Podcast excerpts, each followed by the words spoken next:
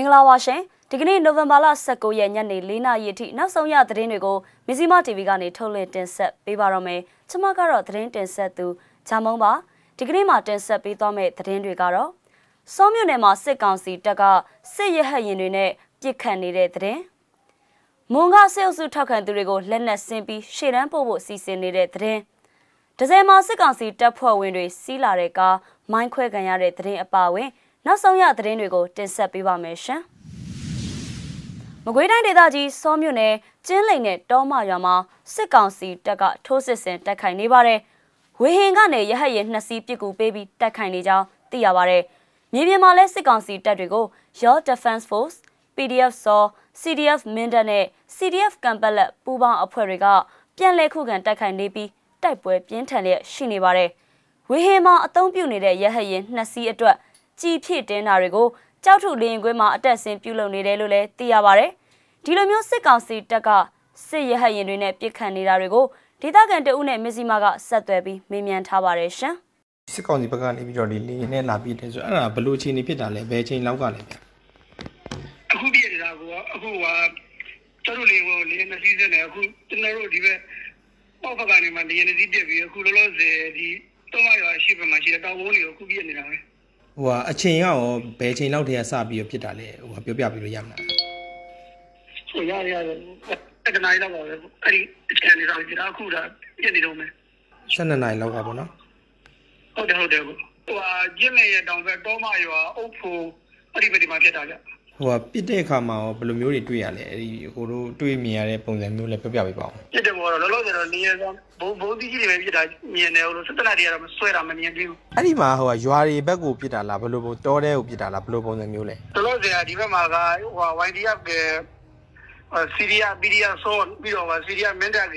စီးရီးယားကမ်ပလက်ကပူပေါင်းပြီးတော့တော့မှလည်းမရှိတယ်အင်အား180လောက်ရှိတယ်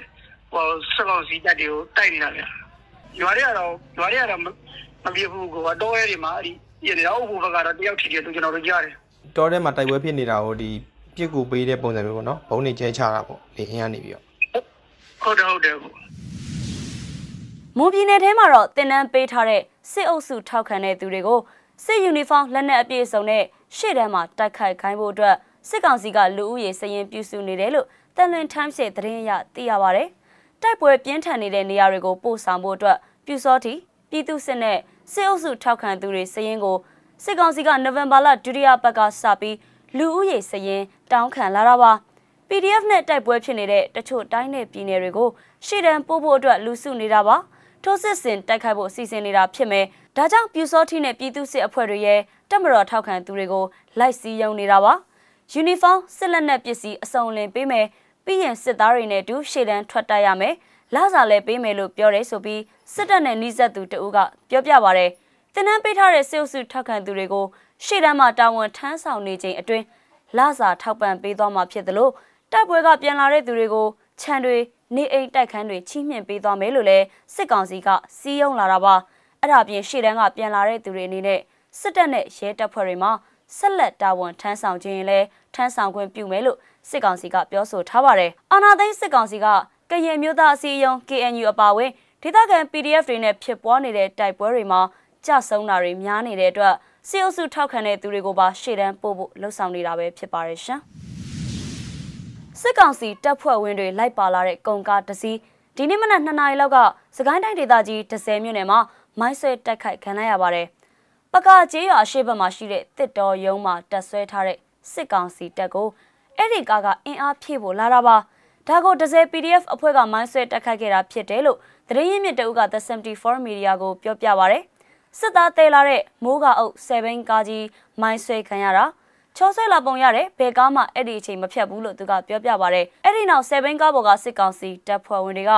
အနီးဝန်းကျင်ကိုလက်နက်ကြီးလက်နက်ငယ်တွေနဲ့ပစ်ခတ်ခဲ့ကြောင်းသူကပြောပြပါရယ်ပကာကြီးရွာနာကိုမနေ့ကည6နာရီလောက်မှာစစ်ကောင်စီတပ်ကစစ်ကြောင်းထိုးလာတဲ့အတွက်ပကာကြီးရွာပါဝဲစိန်ကျေးကူ စင်သင်ခေါင်ရကျေးရွာနဲ့မောက်တက်ကျေးရွာတို့ကဒေသခံပြည်သူတွေထွက်ပြေးတိမ်းရှောင်နေကြရတာဖြစ်ပါရဲ့ရှင်။တဝဲခရိုင်တရက်ချောင်းမြို့နယ်စော်ဖျားရွာမှာပြူစောတိအဖွဲ့ဝင်တအုပ်ကိုတနက်နဲ့ပြစ်တက်ခဲ့ကြောင်းတဝဲပြည်သူ့ကာကွယ်ရေးအဖွဲ့ DDF ကထုတ်ပြန်ထားပါတယ်။အဲ့ဒီပြူစောတိအဖွဲ့ဝင်ဆိုသူရဲ့နာမည်ကတော့ဦးသိမ်းမဲပါ။နနိုဝင်ဘာလ18ရက်မနက်10:00နာရီလောက်ကသူ့ရဲ့ရာဘာခြံထဲမှာပြစ်ခတ်ခံရတာလို့ဒေသခံရွာသားတအုပ်ကပြောပြပါရယ် ရာဘာခြံထဲမှာရာဘာချက်အလုပ်သွားတဲ့အချိန်မှောက်လျက်တေဆုံးနေတာကိုတွေ့တယ်လို့သူကဆိုပါရယ်ဦးသိမ့်မဲကကြေးရွာထဲမှာစိုးသွက်နေတဲ့လူဖြစ်လို့အခုလိုလှုပ်ဆောင်တာဖြစ်တယ်လို့တဝဲပြည်သူ့ကာကွယ်ရေးတပ်ဖွဲ့ DDF ကထုတ်ပြန်ထားတာဖြစ်ပါတယ်မဇီမရဲ့သတင်းတွေကိုနေ့စဉ်စောင့်မျှော်ကြည့်ရှုပေးကြတဲ့အတွက်ကျေးဇူးတင်ပါတယ်ပြည်သူအလုံးလက်ရှိကြုံတွေ့နေရတဲ့အခက်အခဲတွေကနေအမြဲဆုံးလွန်မြောက်ကြပါစေလို့ဆုတောင်းရင်းနဲ့နှုတ်ဆက်ပါရစေရှင်